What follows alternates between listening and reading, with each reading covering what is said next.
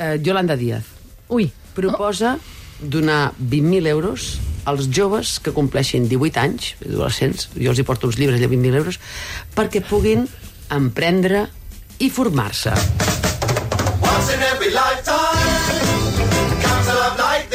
Aviam, com sabeu, jo ja mantinc una menor.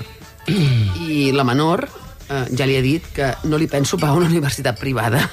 O sigui, que tregui nota, no, no, tinc, no tinc la pasta, no?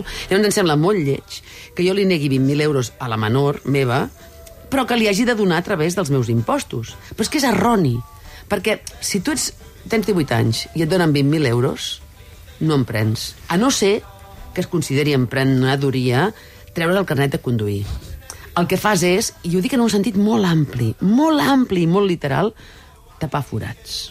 M'enteneu? O sigui, 20.000 no et donen per entrar a una universitat privada.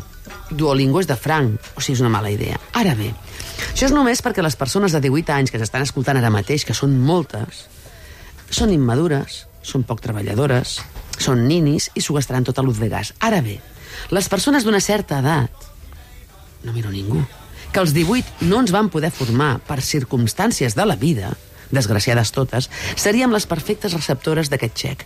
Nosaltres, els boomers, aquests tertulians que som aquí, els que donem valor a l'esforç, per 20.000, ens apuntem a majors de 25 anys, ens traiem el carnet, que no el tenim, o, com seria el meu cas, fem un curs de sommelier, que és una cosa que, sens dubte, milloraria la nostra autoestima i vida laboral.